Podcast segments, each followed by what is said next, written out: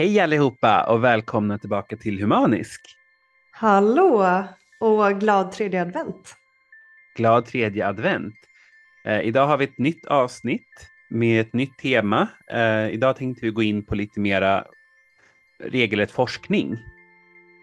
Ja men precis, vi har kollat upp några artiklar var om varierade ämnen. Så ja, men vi, vi sätter väl igång helt enkelt. Absolut. Uh, ja, du kollade ju på den första artikeln vi tänkte diskutera. Och vad handlade den om, om du börjar i lite grova drag? Ja, men precis. Jag har läst eh, Inte som andra jular, kreativa lösningar och coronaanpassade traditioner heter då den här artikeln och den är skriven av Susanne Nylund Skog vid Institutet för språk och folkminnen. Eh, och den handlar, ja, den handlar lite om hur jultraditioner är beskrivna i dagböcker skrivna under eh, julen 2020, alltså under pandemin. Väldigt spännande och väldigt aktuellt också. Mm, jag tänker det, just eftersom det blev så speciellt eh, under den perioden. Att man kanske kände av pandemin extra mycket under julen. Eller vissa gjorde väl det i alla fall. Absolut, jag tänker liksom samhällsmässigt så tror jag att man kunde märka av väldigt mycket. Mm. Um, men precis, och vi ska se ett exempel på det här. För jag, vi har hittat ett litet citat från en dagbok. Uh, ja, men jag tar och läser upp det helt enkelt. Åt lite enklare lunch med sill. Med sill, potatis och smörgås och drack julmust innan det blev dags för Kalle Anka, kaffe, lussekatter och klenäter. Trots att jag kan alla repliker är det lika roligt varje gång. Sen kopplade jag upp mig på Zoom. Sonen hade skickat länk och min syster från Skåne var med. Min systerson med flickvän, sonen och sonens fästmö och så min systerdotter som sitter fast i Belgien. Jag tyckte hon såg ledsen ut, fastän hon bedyrade att det nästan kändes som hemma. Eh, så det säger Maj, som är lite äldre. Minns jag inte exakt hur gammal hon är. Men jag tyckte det var ett väldigt talande citat för många tror jag. Absolut, jag tycker man känner igen det där. Och jag jag minns ju själv om jag stötte på under just de här pandemiåren, just 2020, så hörde man alla möjliga lösningar. Folk som åkte ut och firade i skogen eller som hade på just Zoom med olika Zoom-spel och liksom olika lösningar på att fånga julen ändå. Um, I och med att den är så pass viktig för många. Mm. Men verkligen också att det, det både är sig likt och ändå inte. Um, och lite oron kring att ja, men den här jag tänker på den här meningen, hon bedyrade, hon såg lite ledsen ut fastän hon sa att det nästan kändes som hemma. Eh, och ja, man gjorde det man kunde helt enkelt. En annan sak som också återkom var att hur man firar i kyrkan. Att många saknade det.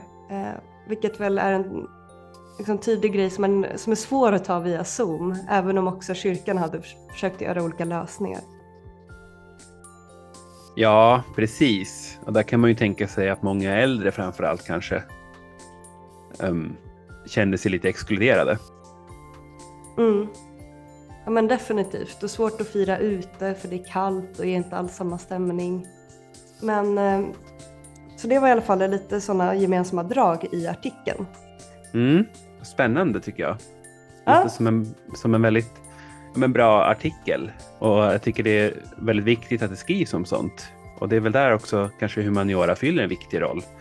Att dokumentera det här som man gör. Mm, men verkligen, just också för att man vänjer sig vid allt. Att det är lätt att tänka, men eh, det här är en period nu, det är, inget, det är inte så stor sak, men det är ju ganska extraordinärt att man ändrar på sådana egentligen väldigt konservativa och traditionella beteenden och vanor. Ja, och just då kan det ju, om man säger så, via vetenskapen också bli oerhört intressant i framtiden. För då ser man ju tillbaka på saker med, liksom en, med ett annat perspektiv som man kanske inte hade när man faktiskt var mitt i det, som du säger. Mm. Men verkligen. Um, ja, men jag ska läsa lite mer ur artikeln. Ehm, eller några saker som de säger som jag tyckte var lite, jag sätter fingret på. Det kanske inte är det mest chockerande, men i artikeln påpekar eh, en av dagboksförfattarna, Gunilla, eh, att man inte släpper in obehöriga, alltså personer som inte kvalificerar som familj eller släkt. Och i artikeln står det också att det är, ja, men det är typiskt för julen att man eh, gränser liksom upprättas och, men också utmanas under julen. Och då gör ju kanske speciellt det med att man tvingas liksom prata via Zoom, bestämma vilka som ska vara med. Och det är lättare att få med liksom obehöriga, eller vad man ska säga. Men samtidigt, ja, eh, det gör ju någonting med julfirandet där. Ja, och jag tror, och nu låter jag väl tjatig så kommer tillbaka till det här, men jag tror att det är just här ändå just humaniora och vetenskapen och dokumentationen ändå fyller en så viktig roll. För som du inledde med att det här kanske är ganska uppenbart för många. Men nu har man ändå det liksom i någon slags empirisk ram ändå. Att nu kan vi peka på att det här är faktiskt så folk har upplevt det och, och antagligen fortsatt upplever julen. Mm. Ja men eh, verkligen också intressant att få se, se liksom Eh, ser det så tydligt. För det var en annan grej som de tog upp också, som inte direkt gör det med corona och julen, men det är att trots att populärkulturen har ett enormt inflytande på julen så har den förändrats väldigt lite genom åren. Istället har varje medium tagit element från julen. Intressant att se hur, ja, men, att det, hur statiskt det faktiskt är. Eh, man kanske tror att det moderniseras, man för in lite nya saker i julbordet. Men i grund och botten så är det sig ganska likt ändå, enligt i alla fall de här eh, i artikeln. Ja, jag kan ju tänka mig att om det är någon förändring som kanske har ägt rum så är det väl inte eh, förändringen av julen i sig, utan då är det väl mer förändringen att kanske färre firar den i så fall. Men det här är helt och hållet från mitt perspektiv. Men, men, det är nog så jag skulle ha upplevt det snarare. Att jag tycker att jag märker att det är flera som inte firar jul. Mm. De som firar jul, att de firar som den alltid har gjort. Ja, ja men precis. Verkligen. Lite så två, två läger nästan.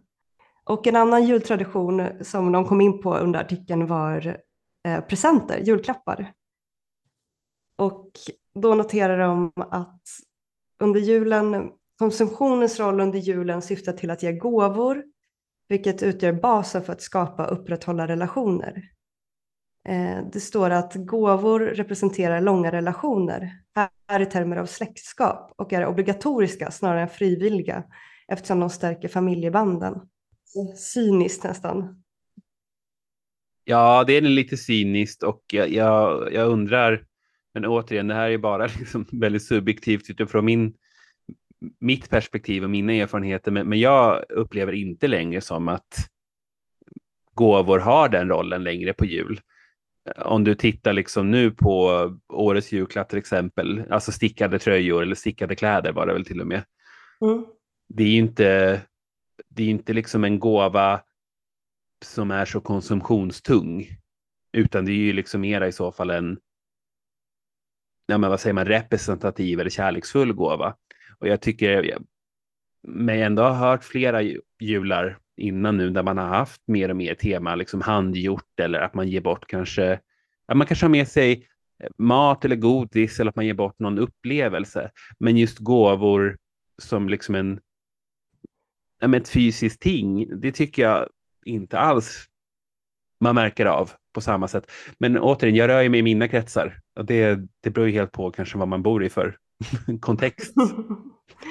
Ja, jag, jag, tror också att det varierar väldigt mycket beroende på, för att jag, jag kan delvis hålla med den, både din spaning men också att det är väldigt mycket krav på fysiska ting och jag hör, man hör lite runt omkring också så här, lättnaden när vissa familjer, så här, bekanta, så där, väljer att slopa gåvor eller göra någon typ av julklappsspel spel.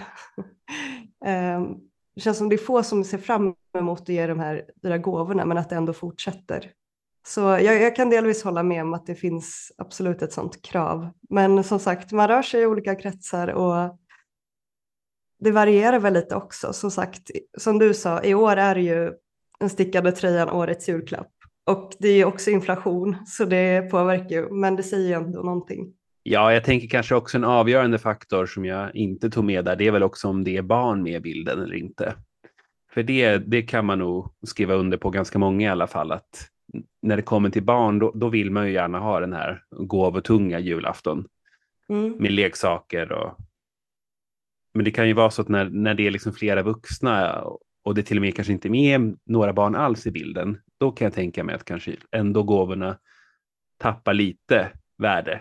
Just också för att den, den vuxna människan har en inkomst och mm. oftast mm. idag med onlinehandel och ja, det, det är väldigt konsumtions vad säger man, betonande samhället. Man ser till att ha det man vill ha idag på eget, på eget håll. Ja, så är det nog. Jag tänker också, där var det några år sedan man pratade mycket om att tid är den högsta valutan nu.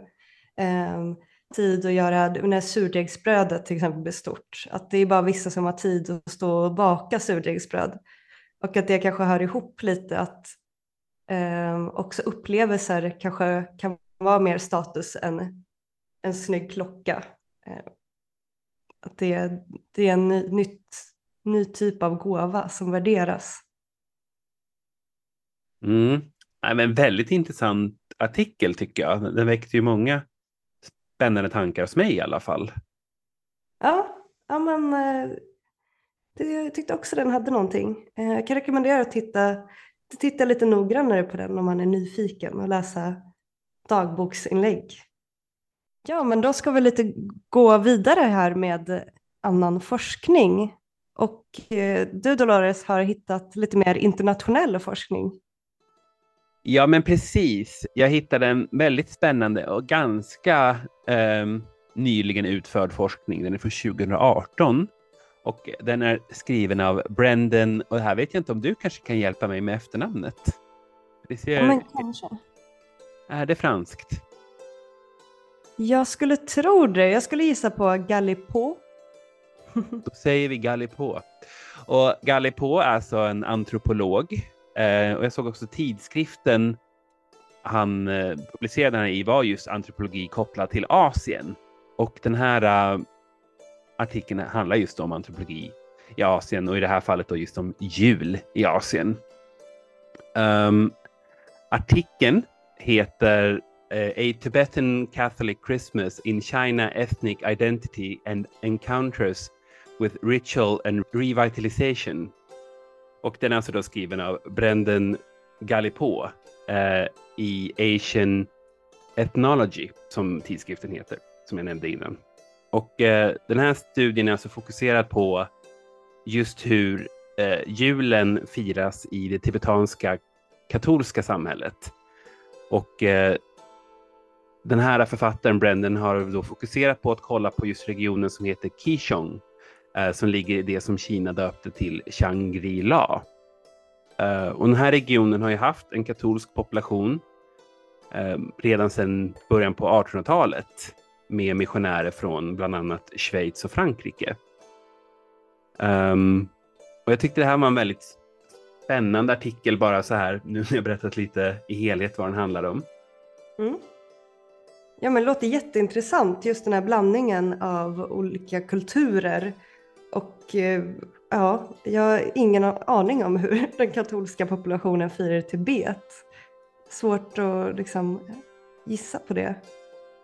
Um, och så måste jag också lite orelaterat men säga att det är kul att det pratar om Shangri-La för det är också ett otroligt band från 60-talet. Men eh, berätta mer, vad, hur firar de? Ja, visst, jag glömde bort att det var ett band. Vad, vad roligt att du nämnde det. Um, jo, men julfirandet i den här Kichong-regionen uh, har ju blivit lite av en festival. Uh, för att Tibet är ju liksom en väldigt, ett väldigt blandat land på det viset. Att du har ju både ehm, um, buddister och du har liksom de sekulära som kanske inte alls är troende. Sen så har du minoritetsreligioner och dylikt. Men just det här julfirandet har blivit en festival som då enar lite alla de här grupperna.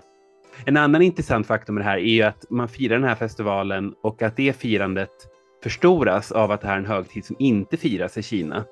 Eftersom att man i Tibet då har ett litet, men en avig inställning mot Kina och kinesiska festivaler av, av givna skäl. Så det här blir ju en slags självständighet för Tibet. Ja, men superintressant, särskilt om man tänker i svensk kontext så är det ju att fira traditionell jul i alla fall är ju bara att bekräfta ja, men redan givna traditioner och att julen där blir någon typ av protesthandling nästan. Det är väldigt speciellt. Precis, för att han nämnde ju det, Brendan, författaren, att en annan högtid som brukar ena liksom, Tibet som folk är ju just kinesiska nyåret. Men då är det ju också så väldigt kopplat till Kina. Um, så att man har ju kunnat se att det här, det finns ju kopplingar till den här festivalen till att det är en slags motståndsrörelse till Kina och ett slags självständighetsgörande. Ja, spännande.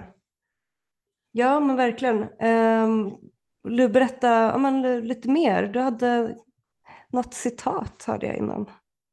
Jo, ja, men precis. För, för att Brendan, han var ju i Tibet eh, och han har ju både liksom gjort forskning om själva ämnet, men han var också i Tibet och intervjuade och upplevde den här festivalen. Och då fick man faktiskt ett litet citat här från när han beskriver eh, hans upplevelser på, på mässan. Så jag tänkte att jag läser det citatet. Eh, och det är ju på engelska då. Uh, the language of the mass in Xizang is peculiar. Villagers sing many familiar Catholic songs in Tibetan using the translations originally created by the French and Swiss, using hymnals preserved by the village elders and then reproduced in recent years. Conversely, the priest conducts the Mass and Bible readings in Mandarin Chinese. So the service is quite syncretic and eclectic, being Chinese with Tibetan chanting. Och jag tyckte det var väldigt, en väldigt intressant liksom, återgivelse av, av mässan och lite liksom, vilka upplevelser man skulle kunna få av att vara där. Ja, verkligen. Blir, eh, blir sugen. Ja, men, eh, speciellt att uppleva det. Eh, just den blandningen, att det blir så tydligt i det, den kontexten. Eh, deras historia och... Ja, nej men absolut. Nej, men jag tyckte det var en väldigt, väldigt spännande artikel. Jag tyckte det var roligt att liksom lyfta julen från ett annat perspektiv än det västerländska också se vilken roll julen får i en helt annan kontext än den vi är vana vid. Jätte... Det är lite ov oväntad kontext. Förlåt, nu avbröt jag dig. Det är jätteintressant verkligen. Att eh, det, det, kan ju lätt bli lite så navelskåderi när det, eller, ja, när det är jul. Att man fastnar lite i hur det alltid har varit. Och få det här perspektivet är jätte, ja, spännande. Mm, absolut. Men vi har ju en till artikel också. Yes, men då ska vi komma in på en artikel som har lite mer kritiskt perspektiv faktiskt. Um, vill du berätta om det, Dolores? Ja, absolut. Och den, den har ju i en mening ett kritiskt perspektiv, men, men det är ju en filosofisk artikel skriven av en filosof som heter Aurelia Bardon. Ja, jag vet inte om det är så det uttalas, men Bardon eller Bardon. Bardon tänker jag att det blir på svenska.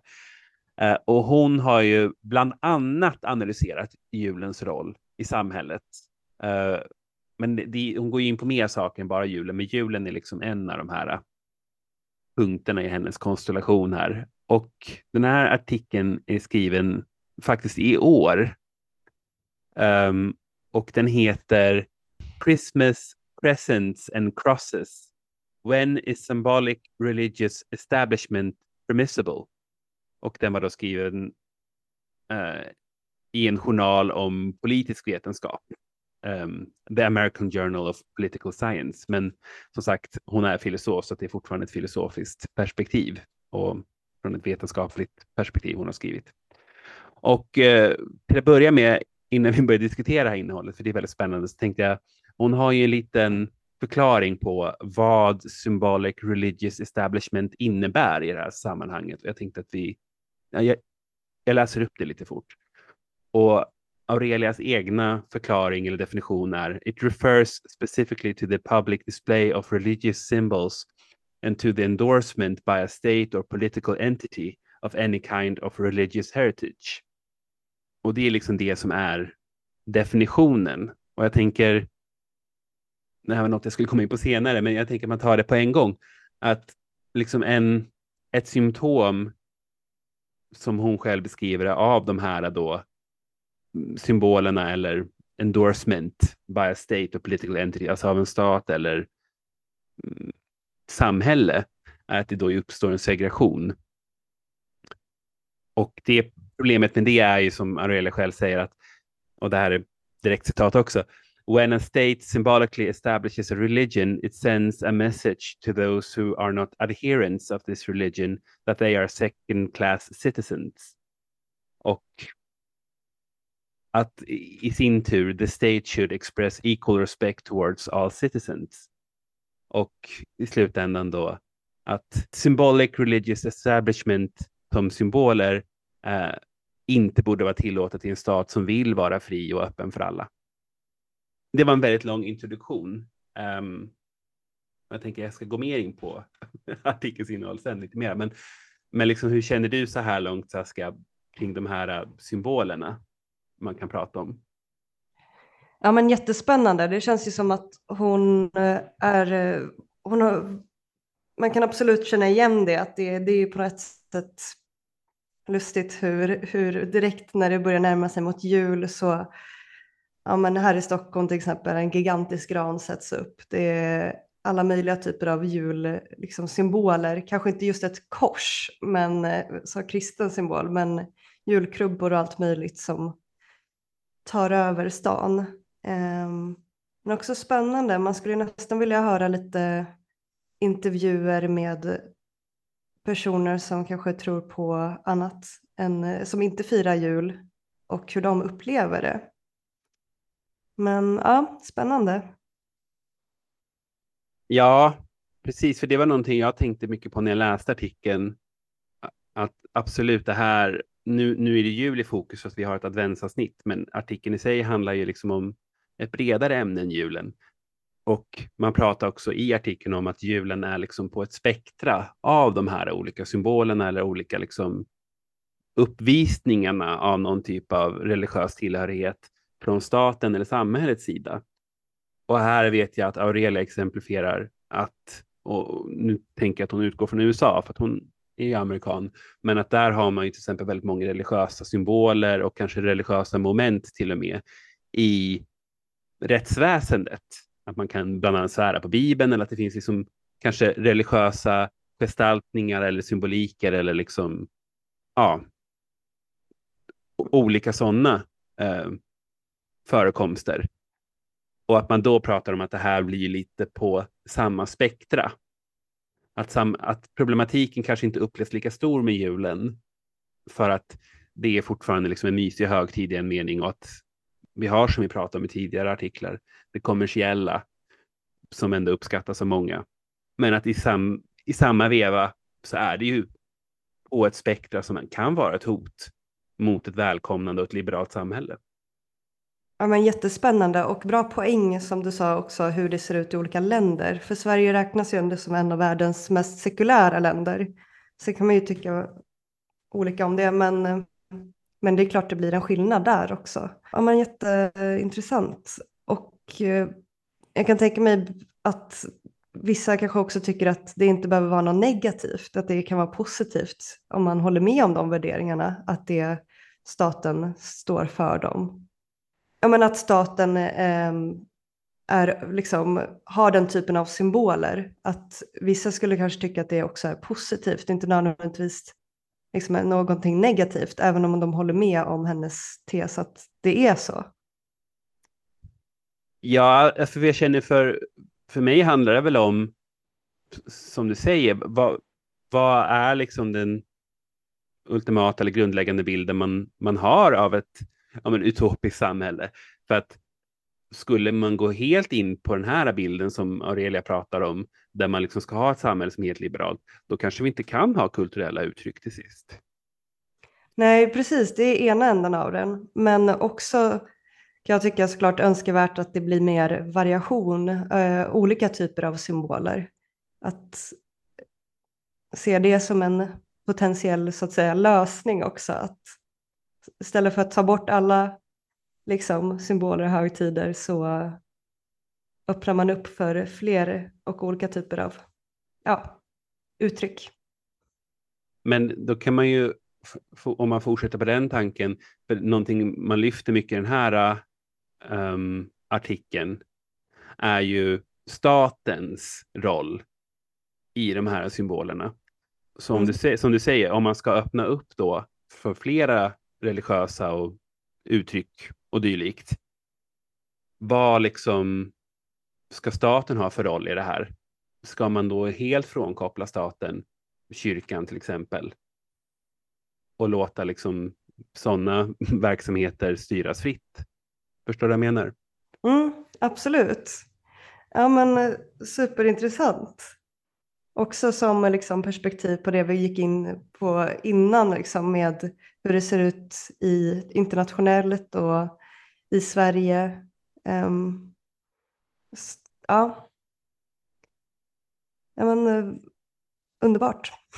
Ja, absolut. Nej, men jag, jag, jag tyckte nästan den här artikeln var nog den som fick mig att tänka mest tror jag, för jag tyckte det var väldigt intressant det hon gick in på och, och det rekommenderar jag verkligen många läsa den artikeln, för det, det, är inte bara jultemat, utan det, hon, hon går verkligen in på många liksom, områden av samhället där de här symbolerna kan förekomma och lite vad det har för konsekvenser. Och hon har, går ytterligare in på olika typer av spektran av liksom hur allvarligt det kan anses vara. Sen, sen, kan man ju aldrig, det är ju filosofi, man kan ju aldrig säga att någonting av det här är liksom hugget i sten. Men just om man har som utgångspunkt att man vill ha det här fria samhället som inte utesluter vissa grupper. Mm. Men spännande, det också visar hur humanistisk forskning eh, verkligen kan eh, uppmärksamma sånt som man, in, vad, man tar för givet eller inte ifrågasätter annars. Vissa i alla fall. Precis. Ja, men då har vi presenterat några olika artiklar. Mm, och väldigt bra variation på artiklarna tyckte jag. Ja, men samma här. Eh, lite så ögonöppnare. Jag har inte läst så mycket julforskning innan, måste jag erkänna. Nej, och det verkar inte finnas så mycket heller nödvändigtvis. Jag misstänker att mycket forskning kring julen kanske ingår i, i liksom större forskningsprojekt, kanske om västerländsk kultur eller om kristendom att just hitta specifikt bara om julen, det, jag hittade inte jättemycket i alla fall. Nej, precis. Det märkte man ju när man sökte också, att det var, det var framförallt eh, ja, men en del korta artiklar, framförallt på engelska. Men, eh, ja, men då har du fått en liten, liten dos innan det blir jullov i alla fall. Dos av ja. ja, precis. Ja, och eh, vad ska vi prata om nästa gång? Jo, men nästa avsnitt blir det lite som i halloween-avsnittet så tänkte vi kanske bjuda på en liten berättelse, en liten saga. Mm. Då blir det lite, lite mer avslappnat helt enkelt till Precis. fjärde advent. Precis, en liten, liten, ja, ett lite mysigt avsnitt som bär med en till julen liksom. Mm. Ja, men då hoppas vi ses, eller hörs nästa gång. Det gör vi och som som vanligt så kan ni följa oss på Humaniskpodd på Instagram. Um, och vill ni mejla oss så är vår mejladress humaniskpodd gmail.com. Med ett D. Med ett D, precis. Yes. Så är det. Nu pratar jag bara på här. Ja, vi hörs nästa söndag. Det gör vi. Hej då. Hej.